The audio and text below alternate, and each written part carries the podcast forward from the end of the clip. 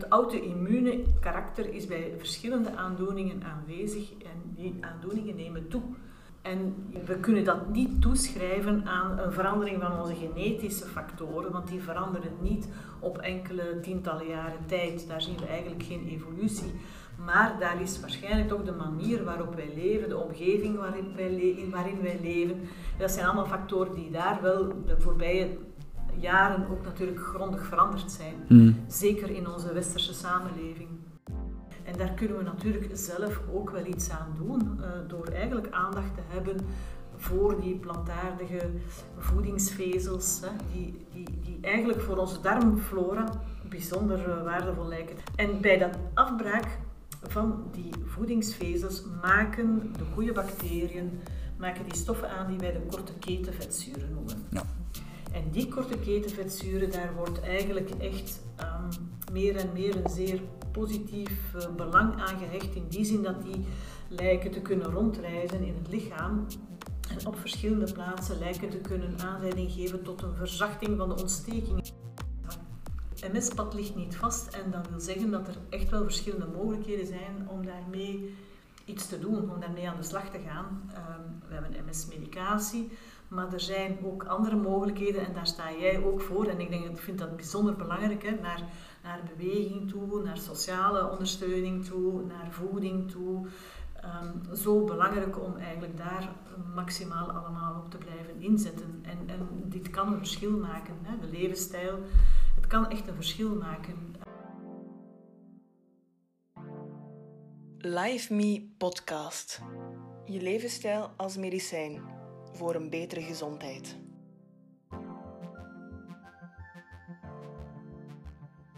Welkom bij de Live Me podcast. Ik ben Lende Nijs, kinestherapeut, gezondheidswetenschapper en founder van het Huis der.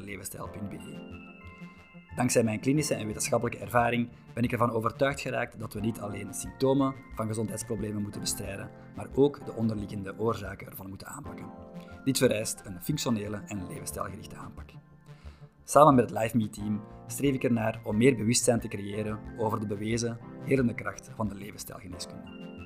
Vandaag zit ik samen met professor Dr. Marie Dogen, verbonden aan de VUB en het Nationaal MS-centrum in Welsbroek. We gaan het hebben over de impact van levensstijl en het darmmicrobioom, oftewel onze darmbacteriën, op multiple sclerose en het verloop hiervan. Maar voordat we dieper ingaan op dit fascinerend onderwerp, laten we eerst een korte blik werpen op wat multiple sclerose eigenlijk is. MS is een complexe neurologische aandoening die het centraal zenuwstelsel aantast. Het kan een breed scala aan symptomen veroorzaken en de diagnose kan ingewikkeld zijn. Bovendien heeft MS een aanzienlijke impact op het dagelijks leven van degenen die ermee leven. Samen met professor Dr. Dogen gaan we ontdekken hoe levensstijl en het darmmicrobioom een rol kunnen spelen bij het begrijpen en het behandelen van deze aandoening. Dus maak je klaar voor een zonder twijfel gepassioneerde aflevering over levensstijl, darmbacteriën en MS samen met Dr. B. Dogen. Welkom. Dank u.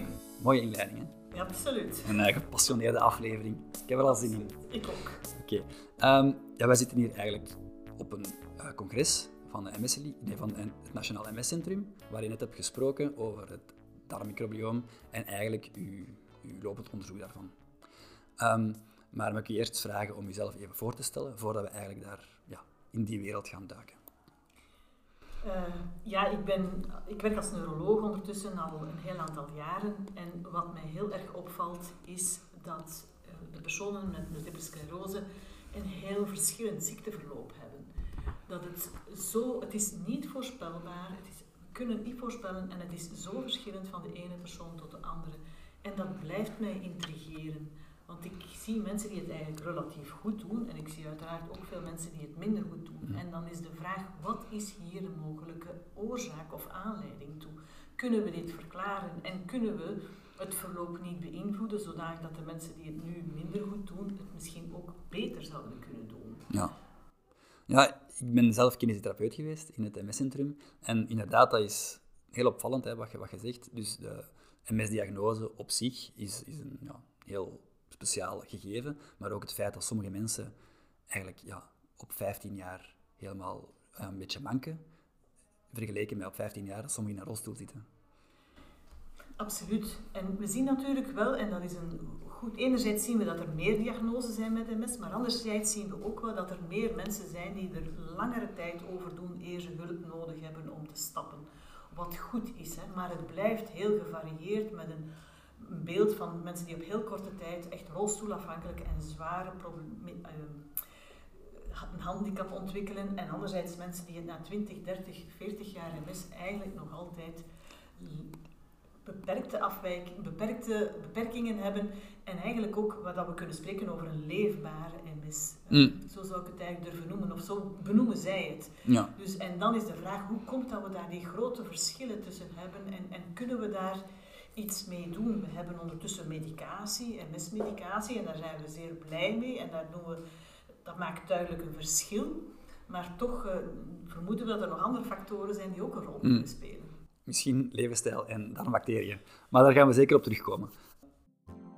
De Live Me podcast laat zich vanaf heden bijstaan door Springfield Nutraceuticals. Dit is een producent en leverancier van voedingssupplementen met onderbouwde, bewezen werking. Juist die wetenschappelijk bewezen werking is voor ons bij Live Me essentieel. Veel van de supplementen uit het assortiment van Springfield Nutra hebben dan ook eigen klinische onderzoeken achter zich staan.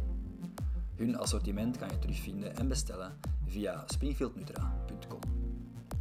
Wanneer we praten met Jelle Delft, de verantwoordelijke van Springfield in België, voelen we meteen zijn passie voor de producten en zijn no-nonsense aanpak. De professional die meer wetenschappelijke artikels wilt lezen over diverse onderwerpen binnen het preventieve gezondheidsdomein, kan zich aanmelden op hun website via springfieldnutra.com registreren. En nu terug naar de aflevering. Eerst even, als we het hebben over uh, levensstijl als medicijn en een Live Me podcast, ehm, als we even kijken naar om MS te krijgen of de progressie ervan, hoe zit dat eigenlijk met um, enerzijds de genetische predispositie daarvan en anderzijds ja, wat omgeving en levensstijl ermee te maken heeft. Een zeer interessante vraagstelling. We weten dat MS voor een stuk eh, bepaald wordt door genetische risicofactoren. Dat zijn er heel wat, heel verschillende. Er zijn ook genetische factoren die personen beschermen tegen MS. Maar er zijn er ook die ons vatbaar maken voor MS. En dat is belangrijk om dat mee te nemen, omdat je natuurlijk die, die genetische achtergrond, je kan maar MS ontwikkelen als je daar een genetische achtergrond voor hebt die u daar vatbaar voor maakt. En die genetische risicofactoren bij MS, die zijn ook voor een stuk gedeeld met andere auto-immuunaandoeningen. Mm. Dus die zijn niet altijd uniek voor MS, daar is ook een stuk deling met andere auto-immuunaandoeningen. Toch is het niet alleen die genetische risicofactoren, die, zijn het niet alleen die factoren die de diagnose of het risico op MS bepalen. Er zijn ook factoren zoals vitamine D en zonlichtexpositie mm. die een rol spelen. Factoren zoals roken die een rol spelen. Men zegt ook dat MS eigenlijk een complicatie is van een Epstein-Barr-virusinfectie. Een, een zeldzame complicatie, maar dus eigenlijk een virus heeft blijkbaar hè, is nodig geweest, een virusinfectie is nodig geweest om die immuuncellen te beïnvloeden die dan later kunnen, mm. Ehm, wat later kan leiden tot de ontwikkeling van MS. Dus het is, men noemt MS terecht een multifactoriële aandoening. We kunnen niet één factor uh, niet één factor aanduiden die echt de oorzaak is van MS. Het is echt een samenspel in interactie van verschillende factoren die bovendien waarschijnlijk op verschillende tijdstippen in het leven ook een rol spelen. Hè. Dus van bij de geboorte kunnen er factoren zijn en ook later in het leven, hè, zoals roken dat er later bij komt, uh, lijkt ook het, het risico op MS te beïnvloeden. Ja, als we nog even verder gaan doordrammen op dat genetische predispositie, hoeveel over hoeveel procent of hoeveel eh, fout spreken we dan? Ehm, Oké, ehm, dan kijken we wel eens naar wat een-eigen tweelingen doen. Hè. Tweelingen die genetisch identiek zijn. Hè. Als, dat echt, als er ziektes zijn die puur door een genetisch profiel of achtergrond bepaald worden, dan is dat bijna 100% dat je dan verwacht hè, dat die alle twee MS zouden ontwikkelen. Wel, we zien als één persoon van die identieke tweelingen MS ontwikkelt, dat de kans dat de andere die dat ontwikkelt, dat dat rond de 25% ligt. Nou. Dus dat wil zeggen dat we inschatten dat die genetische invloeden rond de 25% liggen. Hè? En dat er dus eigenlijk 75% een stuk uh, het grootste deel eigenlijk vanuit andere factoren komt, omgevingsfactoren of uh, die, die daar een invloed op hebben. Of de interactie van die omgevingsfactoren op de genetische risicofactoren. Ja, Dat is eigenlijk een overeenstemming met de, het onderzoek van Tim Spector, uh, die ja, ook heel bekend is over zijn um, twin studies bij de UK Biobank, denk ik. Um, die heeft eigenlijk ja, een enorme grote populatie bekeken uh, van tweelingen. En dan gezien ook dat in C 10 tot 20 procent maar eigenlijk vast ligt door hygiëne en al de rest eigenlijk um, ja, door omgeving en levensstijl veroorzaakt wordt, of de, het samenspel daarvan. Een goeie, als je een goede levensstijl aanhoudt, dat je eigenlijk wel beschermd bent uh, voor die chronische ziekte, ondanks dat je genetische predispositie hebt. Wel, ik denk dat jij verwijst dan naar de mogelijkheid dat bepaalde gedragingen of bepaalde omgevingsblootstelling, eh, blootstelling aan bepaalde omgevingsfactoren, die genetische factoren ook kunnen aan- of uitzetten. Ja. Dat is de epigenetica, zoals we dat noemen. Dat is eigenlijk niet omdat je een genetische factor hebt, dat je per se dat die zijn effect zal laten gelden. Mm. Dat hangt af of dat die soms aan- of uitgezet wordt. En dat kan bijvoorbeeld door bepaalde omgevingsfactoren, kunnen die genetische risicofactoren aan- of uitzetten. Dus daar inderdaad hebben we de mogelijkheid om, niet om onze genetische informatie te veranderen, maar wel om de uitdrukking, of dat die genetische informatie tot uitdrukking gebracht wordt, of daar echt iets mee gebeurt. Hè.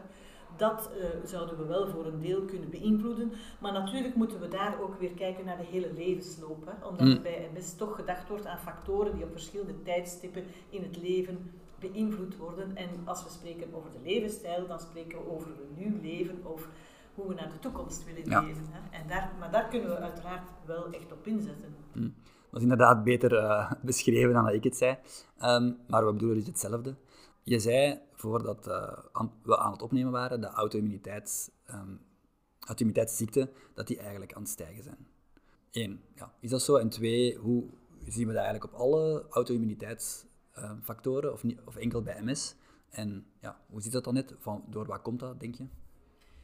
Um, interessante vraag. Ik denk, nou, we hebben gezegd ook al dat er natuurlijk ook een deel in de genetische risicofactoren zit. Hè. Mm -hmm. En als we bijvoorbeeld kijken naar MS en naar verwante andere auto-immuunaandoeningen, dan zien we dat die genetische risicofactoren eigenlijk ook te maken hebben met de regulatie van het immuunsysteem. Mm. Dus dat zijn eigenlijk allemaal factoren die mee een beetje uh, regelen in de ene of in de andere richting. En inderdaad, we zien dat dat eigenlijk de laatste decennia, dat er een opmars is aan aandoeningen die te maken hebben met een verstoring van dat immuunsysteem. Auto-immuunaandoeningen, ook allergieën. Um, dus dat is duidelijk dat die aandoeningen echt in opmars zijn. Dus dat dat immuunsysteem, ons immuunsysteem is blijkbaar kwetsbaarder geworden mm -hmm. voor een, een, een overdreven ja, een regeling in een foute richting, waarbij we te uh, ons immuunsysteem te actief is en eigenlijk ons eigen lichaams eigen weefsel een stuk als lichaamsvreemd gaat beschouwen en gaan zeggen we gaan daar eventjes uh, een aanval tegen mm. gaan richten om op die manier de zaak wat uh, uit te klaren. Dus dat is dat auto-immune karakter is bij verschillende aandoeningen aanwezig en die aandoeningen nemen toe. Mm. Um, en ja, we kunnen dat niet toeschrijven aan een verandering van onze genetische factoren, want die veranderen niet op enkele tientallen jaren tijd. Daar zien we eigenlijk geen evolutie. Maar daar is waarschijnlijk toch de manier waarop wij leven, de omgeving waarin wij, waarin wij leven. Dat zijn allemaal factoren die daar wel de voorbije jaren ook natuurlijk grondig veranderd zijn. Mm. Zeker in onze westerse samenleving. Oké, dank u. In het begin sprak je over vitamine D en zonlicht. Wat is daar dan net de relatie bij MS? Um, we weten dat uh, MS duidelijk meer voorkomt in de gebieden waar er minder zonlicht uh, exposure, uh, minder zonlicht ter beschikking is, bijvoorbeeld gebieden die verder van de evenaar gelegen zijn. Dus dat, dat zijn duidelijke inzichten die al van een aantal jaren geleden dateren. Dat we weten dat mensen die eigenlijk rond de Evenaar wonen bijvoorbeeld, dat daar minder MS voorkomt in vergelijking met het noordelijk halfrond. En hoe noordelijker, hoe meer.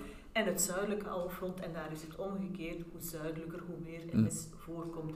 Dus daar is er duidelijk een, een invloed uh, van zonlicht. Uh, vitamine D uh, lijkt de, dezelfde uh, associatie te zijn, dus dat minder vitamine D lijkt ook een, het risico op MS uh, te doen toenemen. Mm. En, en inderdaad, allee, ik denk toch dat het zo is dat zonlicht met de verschillende UV-stralen, dat dat onafhankelijk ook een effect heeft, buiten dat dat dan ook een effect heeft op de aanmaak van vitamine D. Dus dat zonlicht op zich een belangrijke factor is en de, een juiste vitamine D-status ook op zich ik denk dat dat correct is. Hè. Ik denk, uh, daar is inderdaad een stuk een koppeling van beide. Hè. Maar er zijn aanwijzingen dat ze beide een rol spelen. Hè. Want het zonlicht kan ook echt nog uh, andere effecten hebben, ook op ons immuunsysteem waarschijnlijk. En uh, misschien ook op nog andere systemen. dus ik denk er zijn aanwijzingen voor beide. Hè, waarbij de aanwijzing van zonlicht misschien nog iets sterker is dan die voor vitamine D. Maar eigenlijk kunnen beide meegenomen worden. Mm. Absoluut. We gaan het niet te lang hebben over vitamine D. Maar... Um, is een, een, een goede status, is dat het belangrijkste? Of kunnen we zo hoog mogelijk gaan? Of is het ehm, de trials dat zeggen van laag naar hoog, heeft dat een effect erop? Of hoe ziet dat dan uit? Dat is een heel ingewikkeld verhaal. Hè? Want we hebben enerzijds de studies, de observatiestudies, die ons allen zonder uitzondering erop wijzen dat hoe hoger het is binnen een normale range, hè, uh, hoe hoger de spiegel is, hoe meer de ziekteactiviteit van MS onderdrukt is mm. en hoe minder letsels, dus positief. Hè? Mm. Dat is een heel duidelijke associatie in observationele studies. Maar tot nu toe hebben de studies die echt gerandomiseerd gaan nakijken versus placebo en vitamine D en nakijken of dat, dat een effect heeft op het ziekteverloop, die studies hebben eigenlijk op dit ogenblik geen duidelijke aanwijzingen kunnen geven dat het geven, het innemen van vitamine D een duidelijke onderdrukking geeft van de ontstekingsactiviteit bij MS. Mm. Dus dat is, dat is een moeilijke. We zien daar ander, een ander verhaal bij de observatiestudies, de associaties, dan wel in de studies waar we willen kijken naar wat is oorzaak en gevolg, kunnen we zeggen dat het nemen van vitamine D innemen en een hogere spiegel duidelijk leidt tot een verbetering van MS. Dat kunnen we in deze fase niet zeggen. Nu, we weten dat vitamine D voor zeer veel uh, functies, lichaamsfuncties, mm. goed is. Hè. Ondersteunend is uh, tegen osteoporose, ook uh, cardiovasculaire en respiratoire aandoeningen, infecties vermindert. Dus wij raden echt wel aan om die vitamine D goed op te volgen en, en, en in onze regio's ook een supplement in te mm. nemen, zeker tijdens de winterperiode. Maar we kunnen niet hard maken in deze fase dat het MS-verhaal, dat vitamine D innemen echt een duidelijk verschil maakt in de ontstekingsactiviteit van mm. MS. Oké. Het jaarlijks Live Me Avondsymposium zal dit jaar in het teken staan van het nieuwe boek van Lieselot Thijs, Onze hormonen, onderschatte helden. Wil je meer te weten komen over het belang van ons hormonaal systeem voor onze algemene gezondheid en wil je bruikbare inzichten en tools krijgen om je eigen hormonale gezondheid te verbeteren? Kom dan donderdagavond 7 december naar het Max Weber Auditorium van de KU Leuven, waar onder andere Lieselot Thijs, Wensel Top en ikzelf het zullen hebben over de onderschatte helden, namelijk onze hormonen. Surf naar liveme.be of check mijn Instagram-account at huisderlevenstijl.be voor meer informatie over dit event. En nu terug naar de aflevering. Uh, eventjes rewinden, want we hebben twee dingen door elkaar gehaald. We hebben enerzijds de incidentie van het MS krijgen en het ziekteverloop hebben we zo'n beetje samen besproken. Uh, het meeste hebben we besproken over levensstijl en het krijgen van auto-immuunziekten en het krijgen van um, ehm, MS. Maar jij bent ook heel geïnteresseerd in hoe dat we die ziekteverloop dan gaan aanpakken. Um, gelden dezelfde regels daar ook? Voordat we dan ingaan op het, op het darmmicrobioom. Regels als in van een gezonde levensstijl aannemen voor algemeen um, vermindert dat de progressie van MS? Wel, het is een beetje hetzelfde als met het vitamine D-verhaal daar juist. Hè. Er zijn ondertussen heel wat observatiestudies die ons zeggen mensen die geen andere chronische aandoeningen hebben, geen andere chronische ziekten, geen diabetes, geen hoge bloeddruk, dat daar zijn aanwijzingen dat mensen die die ziektes niet hebben, dat die eigenlijk een gunstiger ziekteverloop hebben dan de mensen die dat wel hebben. Uh, dus daar zijn duidelijke aanwijzingen voor. Ook bijvoorbeeld roken hè, is daar ook bij als gezondheidsgedrag. Hè, daar zijn duidelijke associaties dat mensen die roken eigenlijk sneller achteruit gaan mm. bij MS. Maar om daar ook weer studies aan te tonen en te zeggen, we hebben hier een, een degelijke klinische studie waarbij de ene groep hè, die ziekte krijgt en de andere die ziekte niet, of de ene rookt en de andere niet, ja, dat, die studies kunnen we niet voorleggen. Mm. Dus dat is dat is een heel moeilijk iets. Dat zijn associaties, dat zijn verbanden die we vinden, die, die duidelijk heel sterk zijn, want die worden teruggevonden in verschillende grootschalig opgezette studies. Dus we twijfelen daar eigenlijk niet meer aan. Maar het is heel moeilijk om dat te bewijzen, omdat het gaat over heel complexe systemen die allemaal met elkaar in mm. verbinding staan. En je kan niet zeggen, jij rookt. Hè? Je kan geen, dat is ethisch niet verantwoord om te zeggen, jij rookt verder en jij stopt. Of, of eh, dat kan je niet doen. En dan gaan we eens kijken over vijf jaar hoe de verschillen zijn. Mm. Dus we moeten daar de data gebruiken die ter beschikking zijn van mensen die het zo doen. En dan kijken hoe, hoe, gaat die, hoe verloopt de evolutie. Oké, dat was heel duidelijk, denk ik. Ik denk dat we dit deel ongeveer kunnen afsluiten. En nu ja, gaan beginnen met darmbacteriën en MS. Ehm, ik heb net een lezing van u gevolgd, uh, voor de patiënten vooral, um, van het MS-centrum. En je begon je lezing daar met drie factoren op te sommen en ik vond het eigenlijk wel vrij inspirerend. Um, omgeving, mens als deel van ecosysteem en het zoeken naar behouden van evenwicht bij verandering. Kan je daar even op ingaan, op die drie punten? Ja, ja ik denk, het is heel belangrijk dat we realiseren dat we eigenlijk als mens deel zijn van een, van een groot ecosysteem hm. en van verschillende ecosystemen. Um, en dat wij, en dat is onderzoek dat dat heeft uitgewezen, dat we eigenlijk uit evenveel microbiële cellen bestaan dan menselijke cellen. Hm. Dus wij zijn niet alleen mens, wij zijn ook microben eigenlijk. En die microben zijn daar niet voor niets. Hè. Die hebben duidelijk ook bepaalde functies en bepaalde, die bieden ons mogelijkheden. Um, dus dat is belangrijk om ons dat te realiseren. Um, een tweede punt dat ik inderdaad heb aangehaald, is dat, is dat onze sociale omgeving eigenlijk ook mee onze gezondheidsuitkomsten bepaalt. En dat is niet, dat is voor een behoorlijk percentage. Men, volgens de Wereldgezondheidsorganisatie wordt 30 tot 55 procent van de gezondheidsuitkomsten eigenlijk bepaald door, door die sociale factoren. Men noemt dat ook wel sociale determinanten. Um, en dat gaat eigenlijk over de niet-medische factoren die, um, die, ja, die onze gezondheid bepalen. Dat mm. is waar we geboren zijn, hè, in welke omgeving we geboren zijn, hoe we opgegroeid zijn, uh, wat we doen van werk, wat we uh, zo die factoren allemaal, hoe we leven. Dus heeft echt wel een, een, grote invloed. Um, daarnaast, dus, naast die, die factoren, is er ook natuurlijk onze, onze sociale netwerken uh, waarin we functioneren. Hè. Hebben we heel veel mensen die we kennen, hebben we mensen die we af en toe een keer zien, maar we krijgen informatie via die mensen. Dat maakt eigenlijk ook eigenlijk een, een heel belangrijk luik uit. Ehm, we delen ook micro-organismen. Hm. Ehm, we, we, hebben dat gemerkt bij COVID, hè, dat we daar uh, micro-organismen kunnen delen. Dat, die hadden we niet zo graag. Hè. Maar er zijn er waarschijnlijk ook wel die op een positieve manier kunnen inter interageren met ons zijn. En, en we, onze medemensen zijn ook heel belangrijk om onze emoties mee te reguleren. Hè. We, onze stressniveaus kunnen, kunnen we eigenlijk naar beneden halen door een, een goede sociale omgeving te mm. hebben. Dus die sociale omgeving is toch ook een heel belangrijk element.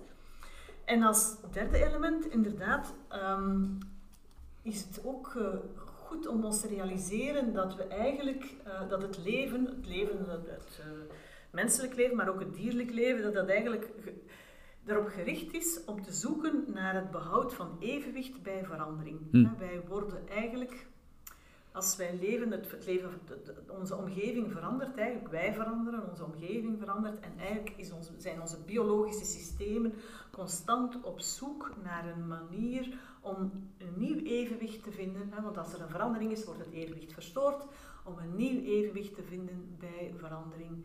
En dat, zit, dat is een bijzonder ingenieus systeem, blijkt. En dat is werkelijk op alle niveaus. Hè. Zo blijkt ook in onze hersenen, hm. hebben wij immuuncellen, die, daar eigenlijk, die van bij de geboorte daar eigenlijk al zitten. En die eigenlijk heel veel kunnen aanvoelen en merken, sensoren noemen we dat. En als er iets is van activiteit of iets dat er ongewenst zou kunnen zijn, dan gaan die in een soort activatiemodus gaan en dan gaan die eigenlijk zorgen van oh, oh we moeten hier opletten, we moeten hier uh, waakzaam blijven.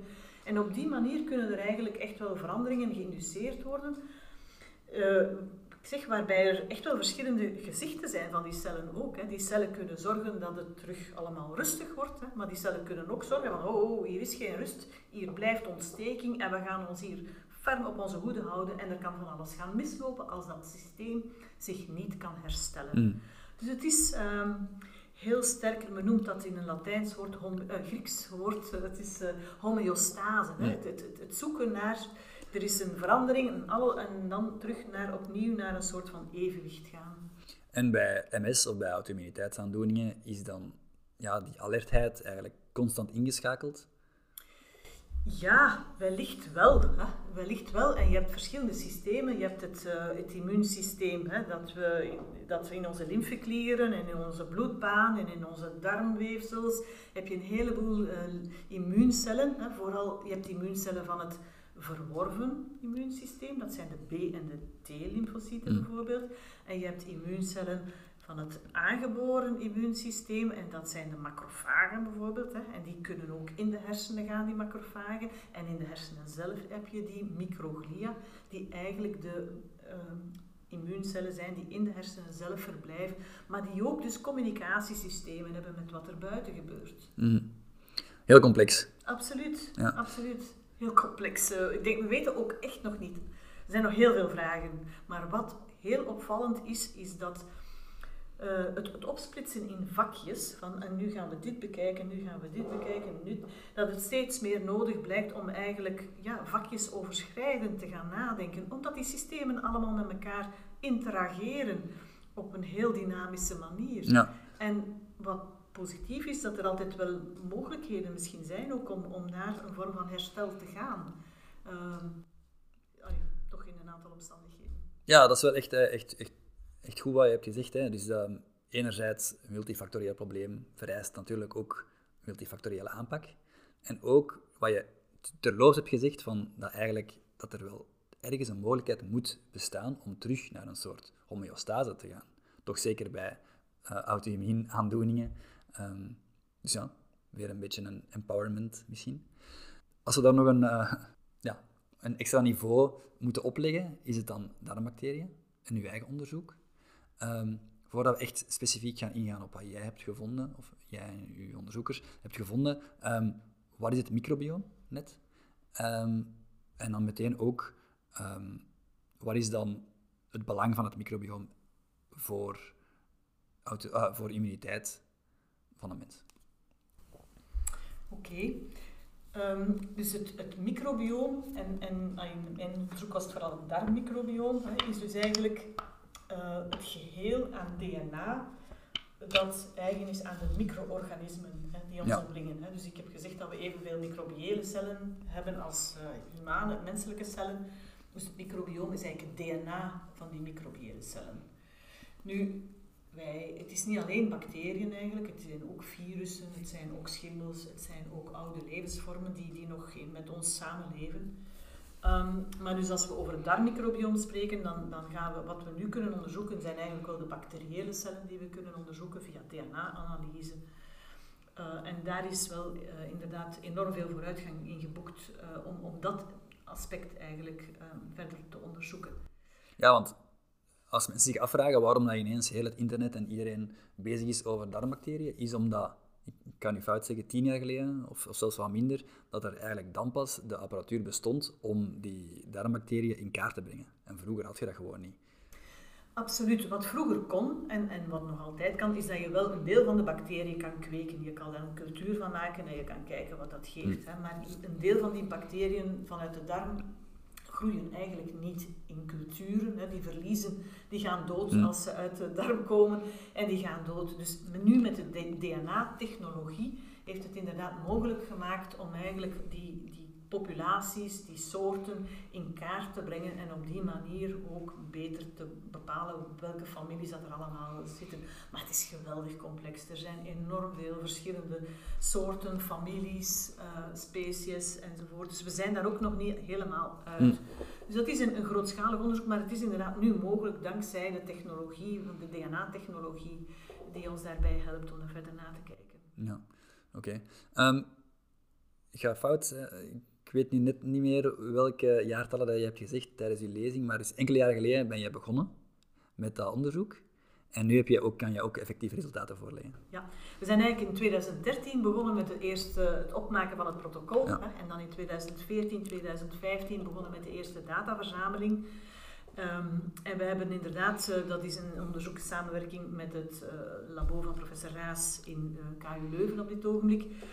Ehm, en daar hebben we eigenlijk dus eh, kunnen vinden inderdaad dat er toch wel verschillen zijn. Eh, wat ons meest opviel was eigenlijk dat er verschillen zijn toch wel tussen de verschillende types MS. Hè. MS is complex, dat weten we. MS is ook verschillend van persoon tot persoon. We proberen, in de wetenschap probeert men dat toch wat in groepjes in te delen, in types op te delen, om op die manier toch wat beter te kunnen bepaalde eigenschappen misschien aan bepaalde types toe te Ja. schrijven. En dat hebben wij hier ook gedaan met het darmonderzoek, darmmicrobiomonderzoek. Dat was echt de intentie.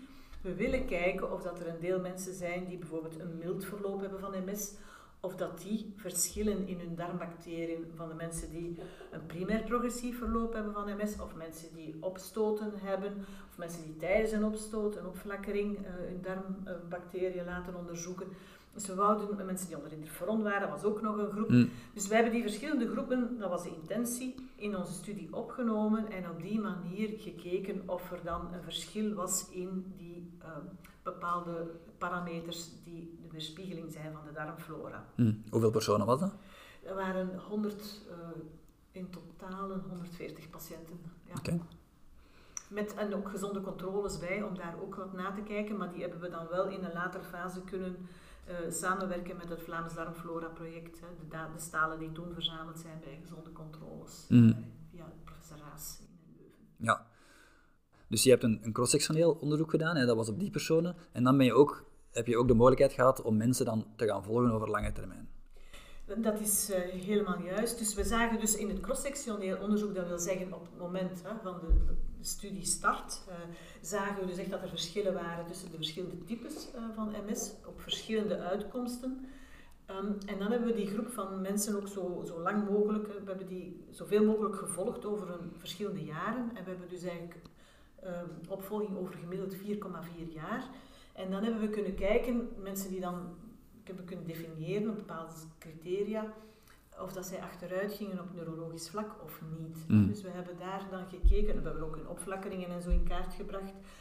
En dus hebben we dan kunnen, als we bij de mensen die dan achteruit gingen, zagen we toch wel een verschil in het voorkomen van enterotypes ten opzichte van de mensen die niet achteruit gingen. En dan moet ik even wat uitleggen hè, over die enter, wat is een enterotype. Mhm. Hè? Ehm, je kan op verschillende manieren kijken naar het darmmicrobioom. Je kan kijken naar diversiteit, naar de verschillen in samenstelling van de darmflora. En, je kan, en daar heb je dus die diversiteit, maat. Hè. Je kan kijken binnen één persoon, je kan kijken tussen twee groepen personen. Je kan ook kijken naar een soort type, een enterotype. Hè. Dat is een beetje met een soort clustering van een aantal parameters die samengenomen worden, een vrij ingewikkelde statistische Mhm. methode waarbij bepaalde dominante bacteriële stammen dan eigenlijk wel kunnen teruggevonden worden in die enterotypes. Ja. En dan zagen we dus dat het enterotype, wa- waarvan we weten dat dat gekenmerkt wordt door minder bacteriële cellen en ook minder ontstekingsgerichte bacteriën, dat dat dus eigenlijk meer voorkwam, beduidend meer voorkwam bij meer dan 40% van de deelnemers die later neurologisch achteruit gingen. Mm. Terwijl dat het geval was bij 16% van de mensen die niet achteruit gingen. Dus daar was een opmerkelijk verschil van 16% ten opzichte van 41% in dat voorkomen van dat enterotype van die darmflora eh, bij de mensen die achteruit gingen en die niet achteruit gingen. Dus dat is een voorspellende factor. Inderdaad, eh, zo lijkt het wel. Natuurlijk, we moeten voorzichtig zijn. Onze groep is niet super groot. Hè. We Hmm. moeten dit ook zien te bevestigen. Maar het voorspellend karakter van dat enterotype was inderdaad opvallend. Hè. Ook omdat we dan, als we keken naar een andere biomarker die we nu al aanvaarden als een zekere voorspellend eh, factor zijnde, neurofilament light, dan vonden we dat het enterotype veel, veel sterker was als factor Hmm. dan, dat, en, dan die neurofilament light. Dus inderdaad, het is. ehm, en het interessante is ook dat die die, dat enterotype, het Bacteroides 2 enterotype, dat dat ook geassocieerd wordt aan andere aandoeningen of andere levensstijlfactoren. Mm. Ehm, dus meer komt meer voor bij mensen met obesitas, komt meer voor bij mensen met depressie en komt ook meer voor bij andere chronische aan, ontstekingsziekten. Dus daar is een associatie. Hè. We moeten altijd voorzichtig zijn. We Mm. weten niet wat er eerst is, hè, wat er eerst voorkomt. Maar daar is wel een associatie die toch wel opvallend is. Ja. Voor ik daar verder wil ingaan, want ik heb heel veel vragen daarover, eventjes uitzoomen. Ehm, ik denk dat jij, alleen nee, ik weet, want je hebt dat voorgesteld, eh, dat jij drie conclusies hebt gemaakt, of ik ga ze samenvatten in drie conclusies. Eén is MS-populatie vs een controlegroep. De andere is verschil tussen MS-subtypes. En de andere is over die evolutie waar we het net over hebben gehad. Wat was dan de conclusie van MS vs controlegroep? Eh, wij, onze groep was misschien niet super groot genoeg om die vergelijking te maken, alhoewel dat we die vergelijking met het Vlaams Darmflora-project hebben we wel kunnen gelukkig daar deelnemers uithalen. Daar zijn op bepaalde parameters zijn daar verschillen, maar die zijn niet zo uitgesproken. Hè. Dus het is juist omdat die MS-groep zo, eh, uit, zo verschillend is. Hè. Bijvoorbeeld als je naar een parameter kijkt als de alpha-diversiteit, dat is de verschillen binnen één staal. Als je alle MS-patiënten samennam en je zet er al healthy controls, de gezonde controles ernaast, dan was dat eigenlijk niet verschillend. Mm. Maar als je gaat kijken tussen de verschillende subtypes van MS en, en de gezonde controles, ja, dan zie je wel verschillen. Hè? Maar dat wordt dus eigenlijk ook sterk bepaald door de eh, types van MS. In het onderzoek, in, in algemeen, eh, het wetenschappelijk onderzoek, worden wel lichte verschillen beschreven tussen gezonde controles en personen met Ja. MS, die erop wijzen dat er toch een soort onevenwicht is in die bacteriële flora, in die darmflora bij MS ten opzichte van gezonde controles. Maar die verschillen zijn niet zeer uitgesproken. Dus het hangt er een beetje vanaf naar welk onderzoek je kijkt, naar welke parameter je kijkt, eh, of dat, in welke mate dat die verschillen er zijn. Er zijn lichte verschillen ongetwijfeld, maar die zijn niet zeer uitgesproken. Mm. Gaat het over de, wat, wat is nu het beste? Een goed evenwicht of een grote diversiteit? Of allebei? dat, is, allebei. ehm, dat is een moeilijke vraag. Ehm, Want laten we het even... Dus in je darmstelsel heb je heel veel verschillende soorten darmbacteriën. En wat ik altijd eh, tegenkom in de literatuur is... Hoe groter de diversiteit, hoe beter. Dus hoe, hoe meer verschillende soorten species dat er in je, darmbacteriën zitten, eh, in je darmen zitten, hoe beter. Maar het evenwicht is ook belangrijk. Dus de zogezegd slechte of inflammatoire provocerende zijn eigenlijk ook belangrijk ehm, in dat geheel, in die, in die stad, in die levende stad van, van darmbacteriën. Dus ik weet niet wat uw take daarop is of wat jij hebt gevonden. Ik denk dat dat een heel belangrijk punt is wat je daar aangaat, aanhaalt. Het is inderdaad niet zo dat eh, diversiteit of, of de beste diversiteit per se ook altijd het, beste is. Hè. Het hangt er ook vanaf wat betekent dat dan eigenlijk Mm. op het terrein. Hè. Ehm, en daar heb je inderdaad, eh, moet je gaan kijken wat, welke bacteriële, ehm, wat wordt er allemaal aangemaakt door die bacteriële families, aan, aan- waar staan die voor in, voor welke Mm. stofwisseling staan die in, wat doen die. Hè. Dus het is niet alleen puur diversiteit, het is ook waar staat die diversiteit voor. Hè? Staat die ook Ja. voor, een, voor inderdaad een, een evenwicht? Staat die voor een goede veerkracht? Hè? Eh, want dat is eigenlijk ook belangrijk. Hè? Het leven, er zullen sowieso dingen zijn die veranderen in Mm. ons leven. Dat is op zich niet erg, maar we mogen even zakken als het nodig is, als er zo in, in, eh, ons evenwicht mag even verstoord geraken. Maar de bedoeling is dat het terug naar herstel gaat. Mm. En daar is die veerkracht van een systeem heel Ja. belangrijk. Diversiteit zal een stuk helpen, maar is niet het hele verhaal. Maar om daar heel ook, het hangt inderdaad ook vanaf van welke soorten families eh, spelen daarin een belangrijke rol en, en hebben be- bepaalde functies. Maar daar hebben we ook nog wat verder werk aan om dat eigenlijk uit te klaren bij. MS. Oké. Wat waren zo nog een paar van die voorspellende factoren?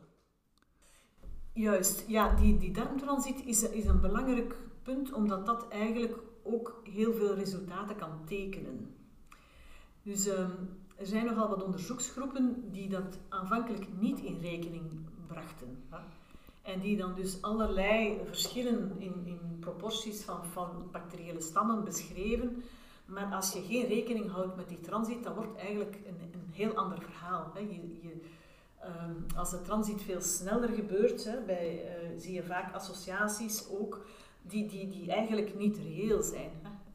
Um, want allee, dat verbaasde mij dat je dat aanhaalde, omdat ik dacht dat een goed microbioom eigenlijk bijna automatisch een, een goede of degelijke darmtransit teweeg brengt. Ja, het, het, het, heeft natuurlijk, het, het, het, staat ook weer in verband met elkaar. Hè. Dat is heel duidelijk zo. Maar men, het, um, enerzijds bepaalt die microben, die microben bepalen de transit, maar de transit bepaalt ook uw resultaat van, wat, van, het, van het finale, hmm. uw DNA-analyse van hoeveel cellen zijn er. Hè. Ja. Als er heel veel water is, als, er heel veel, als de transit heel snel gaat en er wordt weinig water uit opgenomen, zie je vaak dat er ook minder cellen, bacteriële cellen zijn. En als je dan een analyse gaat doen op die cellen die je hebt en je zegt op basis van die, dat aantal cellen zeg ik zoveel procent dit, zoveel procent dat, zoveel procent dat. Of je doet dat op een staal waar veel meer bacteriële cellen zijn en, en je gaat die met elkaar vergelijken. Ik bedoel, dat is geen correcte vergelijking, want je hebt veel meer minder bacteriële cellen bij de eerste groep dan bij de andere. Dus die, en die met die meer aanwezigheid van bacteriële cellen zijn eigenlijk veel beter. Dus het is ook belangrijk van voldoende uh, bacteriële cellen te hebben. En een snelle transit gaat dat niet garanderen. Je ziet je vaak dat die minder bacteriële cellen hebben. Mm Dus het is, uh, het is niet per se goed van een heel trage transit te hebben, hè, maar het is ook niet per se goed van een hele snelle transit te hebben. Dus het is eigenlijk... Uh, maar het, het beïnvloedt vooral, mijn punt is vooral dat het het, het covarieert. Hè, zo noemt men het. beïnvloedt ook een stuk de resultaten, maar het microbioom beïnvloedt ook inderdaad de transit. Dus het hmm. is, en de transit beïnvloedt het, het output die je krijgt aan resultaten. Dus je moet het echt meenemen en, en, je moet ook controleren. Je kan daarna kijken aan de hand van de hoeveelheid water die erin zit in de stoel en aan de hand van het aantal bacteriële cellen dat erin zit. Het zijn allemaal parameters die moeten meegenomen worden. En niet elke onderzoeksgroep doet dat. Ja. Um, en dat is een belangrijk punt. En in het, eh, in het onderzoek met professor eh, Raas en uh, dokter De Volder wordt daar heel sterk de nadruk op gelegd dat we die drie factoren allemaal heel zwaar moeten meenemen, uh, omdat dit anders de resultaten zwaar verstoort. En we zien dat ook in het vervolgonderzoek dat dat echt wel een belangrijke factor is. Oké, ja. Kan ik inkomen? Had ik niet bij nagedacht, maar makes sense, denk ik. um, darmtransit, gewicht. Zijn er nog dingen dat, dat eigenlijk een goed microbioom zou kunnen teweegbrengen, of waar we naar moeten kijken, uh, om te zien van ja, dit is, als, je, als we dat doen, dan gaan we een goed microbioom krijgen, of dan gaat het verloop van MS verbeteren? Ja, uh, als je de, naar de dingen kijkt die we zouden kunnen beïnvloeden, hè, dan denk ik, ja, medicatie heeft een heel duidelijke invloed op hè, het, het, gebruik van medicatie, hè, van antibiotica bijvoorbeeld. Hè, heeft een heel verstorende invloed op, eh, op de darmflora. Uh, ook ontstekingsremmers kunnen dat heel... Dus medicatie kan echt wel een, heeft echt mhm. een flinke invloed, hè, niet onderschatten. En um, eventjes daarop dan, langs de, ene, langs de ene kant hebben mensen vaak medicatie nodig of krijgen ze dat voorgeschreven, maar langs de andere kant is het darmmicrobioom heel belangrijk. En langs de ene kant ga je dat dan kapot doen met medicatie. Hoe, hoe, is die, hoe zie jij die balans dan? Ja, dat is een evenwicht ook waar we hè, moeten afwegingen maken mm. van uh, als iemand antibiotica nodig heeft omdat hij zwaar ziek is, ja, dan moet hij dat krijgen. Hè. Mm. Um, maar je moet geen nodeloze antibiotica innemen. Hè. Dat, dat is niet de bedoeling. Dus je ziet ook wel dat daar meer de laatste tijd ook, denk ik, meer rationeel wordt mee omgegaan en wordt nagedacht, is het wel nodig om antibiotica te geven? Mm. Als het over een virus, een virale infectie gaat of zo, dan gaan we dat ook niet doen. Dus het is belangrijk om daarover na te denken, hè, omdat dat inderdaad wel een invloed heeft. Hè. Um, wat ook uh, uiteraard een van de belangrijke factoren die een invloed heeft, is onze voeding. Hè. Mm. En dan zien we dat uh, hoe de voeding geëvolueerd is hè, de voorbije jaren, ook met heel veel ultrabewerkte producten, met uh, veel minder vezels. Um, dat heeft echt wel een duidelijke invloed op het uh, darmmicrobioom. En daar kunnen we natuurlijk zelf ook wel iets aan doen, uh, door eigenlijk aandacht te hebben voor die plantaardige voedingsvezels, die, die, die eigenlijk voor onze darmflora bijzonder waardevol lijken te zijn. In die zin dat die voedingsvezels eigenlijk een heel lang traject afleggen hè, en dat die eigenlijk dan over heel dat lang traject kunnen door de goede bacteriën, hè, worden die afgebroken. Hm. Die worden in stukjes heel langzaamaan afgebroken tot in het laatste stuk van de darmen. En bij dat afbraak van die voedingsvezels maken de goede bacteriën maken die stoffen aan die wij de korte ketenvetzuren noemen. Ja. En die korte ketenvetzuren, daar wordt eigenlijk echt ehm, meer en meer een zeer positief eh, belang aan gehecht. In die zin dat die lijken te kunnen rondreizen in het lichaam. En op verschillende plaatsen lijken te kunnen aanleiding geven tot een verzachting van de ontsteking, een vermindering van ontsteking. En, ehm, en op die manier echt een, een, een positieve bijdrage te kunnen leveren aan de gezondheid. Ja, Dus die, die korte ketenvetzuren zijn dus eigenlijk producten die aangemaakt worden door de vertering van onze voedingsvezels door goede bacteriën. Ja. Dus door aandacht te geven aan het innemen van die plantaardige vezels die niet te veel bewerkt zijn. Want hoe meer die bewerkt zijn, hoe meer die industrieel ja, een stukje kapot gemaakt worden. Dat kan dan nog soms plantaardig noemen, maar daar zit niet zoveel meer van die complexe vezelstructuur in hoe, ehm, ja, hoe meer die kapot gemaakt is, hoe minder effect dat dat heeft. Hè. Dus het is belangrijk om dan eigenlijk zoveel mogelijk de onbewerkte of zo min mogelijk bewerkte producten daarbij in te nemen. Granen, vezels, granen, ehm, zaden, plantaardige zaken enzovoort. Mhm. Ja, zo algemeen advies geef ik altijd eh, een onbewerkte regenboog van alle soorten kleuren van, eh, van voeding. En mikken op zo 30 verschillende, verschillende soorten plantaardige voedsel ja, per, per week. Ik heb dat precies eh, van Tim Spector ook ergens ge- gelezen. Ja. Ik denk dat dat ook, ik, ik denk dat dat een heel mooi, ja, ik vind dat een heel mooi beeld ook. Hè. Eh, ik denk ook, eh, het, kan ook echt, het is ook echt lekker. Hè. Eh, ik denk hoe belangrijk is dat we daaraan denken. Hè. Mm. Het is plezierig om naar te kijken. Het ziet er verschillende vormen, soorten, kleuren. ehm, Absoluut. en ehm, het is niet noodzakelijk heel veel meer werk, maar het vraagt natuurlijk toch wel wat inspanning om, om daar op een andere manier naar te kijken, naar voeding. eh. Maar ik, ik ben inderdaad, ik, ik, ik deel dat ook. Ik denk dat dat, eh, ik, ik ben geen voedingsexpert, maar eh, ik denk dat daar wel heel wat in te vinden is. Ehm, want het probleem is dat we natuurlijk, met, we zitten met heel gepersonaliseerde ecosystemen in de darmflora. Dat is he- heel erg verschillend, ook van persoon tot persoon. En misschien ooit later, hè, als we echt daar een goede Mm. afdruk van kunnen maken, bij wijze van spreken, dat we ook kunnen gericht zeggen voor dit soort van afdruk zou deze aanpak kunnen helpen via voeding of via voedingssupplementen of via pro- of prebiotica. Ja, dat, misschien komt dat ooit, hè, maar in deze fase zijn we daar nog niet. Want sommige bedrijven bieden dat wel al aan. Hè?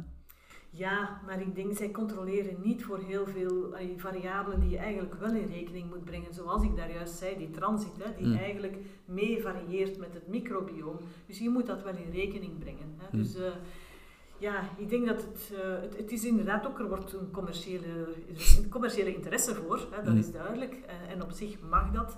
Maar ik denk dat we heel voorzichtig moeten zijn om daar geen stappen over te slaan. En, en toch ook, zolang we ja, die, dat gepersonaliseerd aspect niet helemaal kunnen in kaart brengen en ook niet helemaal kunnen bewijzen dat we dat op die manier Mm. kunnen veranderen, dat we ons beter houden bij algemene, lekkere, waardevolle, gezonde adviezen, hè, die eigenlijk voor, voor iedereen van ons eh, kunnen eh, gelden, die voor iedereen van ons gelden eigenlijk. Ja. Oké. Ik zie een cross-sectioneel onderzoek, ik zie een longi- longitudinaal onderzoek. En als wetenschapper denk ik dan, ah, dan komt er nu een interventiestudie aan. Eén, komt die eraan? Denk je dat het er binnenkort aankomt? En ook, ja, dan zou ik ook graag willen weten wat dan uw interventie zou zijn om die darmbacteriën van MS-patiënten positief te gaan beïnvloeden. Ja, dat is een super interessante vraag natuurlijk. Hè. Ehm, Ik ben nog op zoek naar een postdoc, hè. Ehm, zeer interessante vraag. Ehm, naar, we zouden kunnen zeggen, we doen een interventiestudie met voeding, hè, met voedingsaanpassingen. Maar dat blijkt heel moeilijk te zijn. Hè. Je kan dit, je kan moeilijk echt controleren wat mensen echt eten. Je kan dat moe- moeilijk standaardiseren. Hè. Je kan dat moeilijk eh, in een studie, in een strakke studie gieten, die je dan ook nog eens maandenlang volhoudt. Want als je het microbioom, het darmmicrobioom wil beïnvloeden, dan moet je dat maanden, om niet te zeggen jaren volhouden. Dus hoe doe je dat in een studie? Geen eenvoudige opdracht.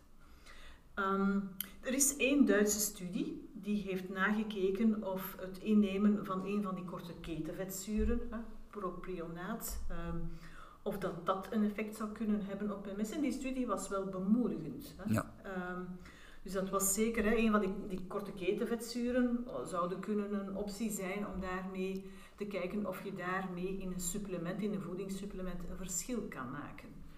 Ehm, uiteraard, ja, dat is een volgende stap. We, we zijn zover nog niet. Ehm, en door voedingsaanpassingen voor te stellen of uh, maak je eigenlijk zelf meer, als je zegt we gaan die voedingsvezels, we gaan die opdrijven, die plantaardige Mhm. voedingsvezels in een, in een zo ruw mogelijke vorm. Ehm, op die manier ga je dus eigenlijk ook die bacteriële families verrijken die eigenlijk zorgen voor die aanmaak van korte ketenvetzuren. Hè. Ja. En, en dat is eigenlijk, denk ik dan, allee, op zich een meer natuurlijke manier eh, van die korte ketenvetzuren in, in zijn verschillende aspecten aan te moedigen. Maar ik, dus ik denk, ja, misschien die korte ketenvetzuren zouden kunnen een supplement zijn. Dat kan ehm, overwogen worden om in een studie, een interventiestudie in te nemen.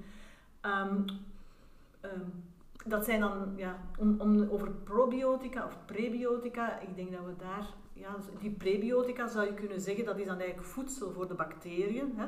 Zou je kunnen zeggen, een soort vezelsupplement, een soort, uh, hè, dat je daar een soort supplement van maakt, van die voedings, plantaardige voedingsvezels in een bepaalde hoeveelheid, dat je dat geeft en dat je dan kijkt wat dat doet. Mm. Uh, dat zijn prebiotica en probiotica zijn um, eigenlijk dan de bacteriën zelf die je geeft. Hè. Maar dan denk ik, dan zijn we nog verder van weg, want eigenlijk kunnen we, hè, waarschijnlijk zijn er ook verschillende bacteriële families die qua functie elkaar een beetje overlappen of elkaar een beetje compenseren Mm. of elkaar versterken. Dus op dit ogenblik daar echt een pasklaar antwoord geven van geef aan iedereen met MS zo een bepaalde bacteriële families in een probioticum. Ik denk dat we daar op dit ogenblik ook echt nog niet zijn. Dit lijkt mij nog echt te vroeg. Um, maar het is ook een piste die zeker kan overwogen worden. Hè. De vraag is ook, blijven die dan? Hè? Of moet je die blijven Mm, toedienen? dat is waar. Ik ben in eerste instantie ook zeker geen fan van om dat te geven in pilletjes. Maar je kan dat wel bijvoorbeeld als interventie bedenken bij gefermenteerde voeding. Dat je zegt, zoals de studies die zijn gedaan met uh, vier, vijf keer per dag gefermenteerde voeding eten. Zelf gewoon een lepeltje of een potje. En kijken wat er dan uitkomt. En dan kijken, zijn die enterotypes, die positieve, zijn die gestegen of zijn die gedaald? En dan kijken, lijkt dat iets? Ik vind dat een zeer goed voorstel. Hè? Ik denk inderdaad, maar dan moet je gaan kijken, kan je dan met een placebo werken of met een hè, vergelijkbare Mm. placebo? Hè? Ja, want ik denk gewoon omdat de Belgische bevolking, wij zijn toch heel, wij eten heel weinig gefermenteerde voeding. En ik denk, als je dan kijkt naar de most low-hanging fruit, ja, enerzijds peulvruchten voor de vezels, hè, want peul wordt ook heel weinig gegeten door, door onze bevolking, maar aan de andere kant, de gefermenteerde voeding is zo makkelijk om dat te introduceren. Uh, ik, ik kan jou volgen. Is het qua voor vele mensen haalbaar, denk je, om dat ook echt te introduceren in hun algemene voeding? Qua prijs, qua bereikbaarheid, qua... Um... Ja, nee, ja, dat is het ding. Uh, ik denk als we, als we um, beginnen van, van bij de bodem, dat hoe meer vraag er komt, bijvoorbeeld, ik volgde zusjes Kleiman, die geven gefermenteerde voeding uit potten. Die potten zijn eerlijk gezegd... Dus, en eigenlijk stellen zij voor, om daar een lepeltje per dag is eigenlijk al goed. Dan heb je al zeker al één portie gefermenteerde voeding binnen. Super lekker, even reclame maken voor de zusjes. Maar die potten zijn duur voor, een, ja, voor de bevolking die, die wat armer is. Um, maar ik denk, vanaf dat wanneer dat er meer vraag komt, gaat dat ook meer worden gepubliceerd, uh, geproduceerd en zal dat ook goedkoper worden, zoals heel veel van zo'n dingen. Allee, dat, dat zou ik toch mooi vinden. Ja, ik denk dat het een, een heel goede piste is en ik, ik, ik en, vind het zeker een heel interessant voorstel om het te bekijken, maar ik denk in deze fase is het moeilijk om, omdat inderdaad de toegankelijkheid is dan ook belangrijk, is het natuurlijk ook nog belangrijk om daarna te kijken, ja. maar dat is wel inderdaad een belangrijke piste, hè, dat men denkt dat vroeger hè, werd dit meer gedaan voor de ijskast uitgevonden werd, ja. hè, was dit de piste waarop mensen misschien ook wel meer bacteriën binnenkregen en op die manier een rijkere meer diversiteit ja. hadden. En een, uh... Want ik moet mezelf wel verbeteren. Eigenlijk is het helemaal niet duur om het te maken. Je moet gewoon één begin hebben, je moet gewoon één, één cultuur hebben en je kunt dan uh, daarmee aan de slag gaan en dat is helemaal gratis en niks. Maar inderdaad, het begin, het bereikbaarheid voor veel mensen of er, ermee aan de slag te gaan, is een hele drempel dat we eigenlijk zouden moeten overwinnen. Ja. Goed. Ik zou nog willen weten, wat zijn zo de vooruitzichten voor, voor uzelf, voor uw eigen onderzoek? Wel, we zijn op dit ogenblik nog volop bezig met de analyses, verdere analyses eigenlijk van, uh, we hebben nog bijkomende studies gedaan met het FWO-project, waarbij we nog meer mensen met MS hebben kunnen uh, hun darmmicrobioom onderzoeken en dat eigenlijk in relatie brengen tot uh, bepaalde parameters. Ehm, en we willen daar eigenlijk nog verder naar, we zijn daar nog verder naar aan het kijken, mm. hè, zowel cross-sectioneel als longitudinaal als ook langer. Ja. Want zoals ik al zei, we weten ook niet goed wat is er eigenlijk eerst. Hè. Zijn zijn de mensen die een, een, een eh, bepaald enterotype hebben aan darmmicroben, hebben die, hè, is, is dat eerst en komt dan de achteruitgang? Hè? Ik bedoel, komt die daaruit voort? Of is, hm. het, hè, is het de achteruitgang die, die leidt tot een, een, die, die neiging tot achteruitgang die leidt tot dat uh, inflammatoire. Dus omdat de interacties hm. tussen wat er centraal in het zenuwstelsel gebeurt en wat er in de darm, darmflora gebeurt, ja, die interacties gaan in beide richtingen. Hè. Dus uh, wat is er eigenlijk eerst, dat weten we niet zo goed. Dus dat is ook nog wel een belangrijk punt om daar uh, beter zicht op te krijgen. Um, en ook of dat we nog ja, naar, naar voorspelling toe van, van ziekteverloop. We hebben ook nog een studie met, met, scan, met MRI-scans van de hersenen, waar we ook kunnen associaties uh, onderzoeken enzovoort. Dus er is nog wel wat werk op de plank. Um, maar het belangrijke is denk ik dat er um, dat we via dit onderzoek en een ander onderzoek ook het, het MS-pad eenmaal de diagnose gesteld bij de persoon, bij de betrokkenen, is het, ligt het pad niet vast. Er zijn, het, MS-pad ligt niet vast en dat wil zeggen dat er echt wel verschillende mogelijkheden zijn om daarmee iets te doen, om daarmee aan de slag te gaan. Um, we hebben MS-medicatie, maar er zijn ook andere mogelijkheden en daar sta jij ook voor. En ik denk, ik vind dat bijzonder belangrijk, hè, naar naar beweging toe, naar sociale ondersteuning toe, naar voeding toe. Um, zo belangrijk om eigenlijk daar maximaal allemaal op te blijven inzetten. En, en dit kan een verschil maken, hè? de levensstijl. Het kan echt een verschil maken. Um, dus uh, daar is, denk ik, als we mensen daar in, in dit verhaal ook daar kunnen van overtuigen dat het niet hoeft vast te liggen, dat zij niet hoeven, per se hoeven achteruit te gaan, dat mm. zij niet per se um, schade ondervinden, hè, dat dit ook kan beperkt blijven. Uh, ja, daarop, eh, daarop zoveel mogelijk inzetten is denk ik de boodschap. Mm. Hè. Al moeten we natuurlijk ook uh, voorzichtig zijn en realistisch zijn en weten dat we ook uh, een heleboel dingen niet kunnen veranderen. Ja. en daar moeten we ook mee leven. En, maar de dingen die we ten goede zouden kunnen beïnvloeden, dat we daar aandacht voor hebben. Ja, maar gezegd. Helemaal mee eens. Ik word al, ja, krijg er al warm van.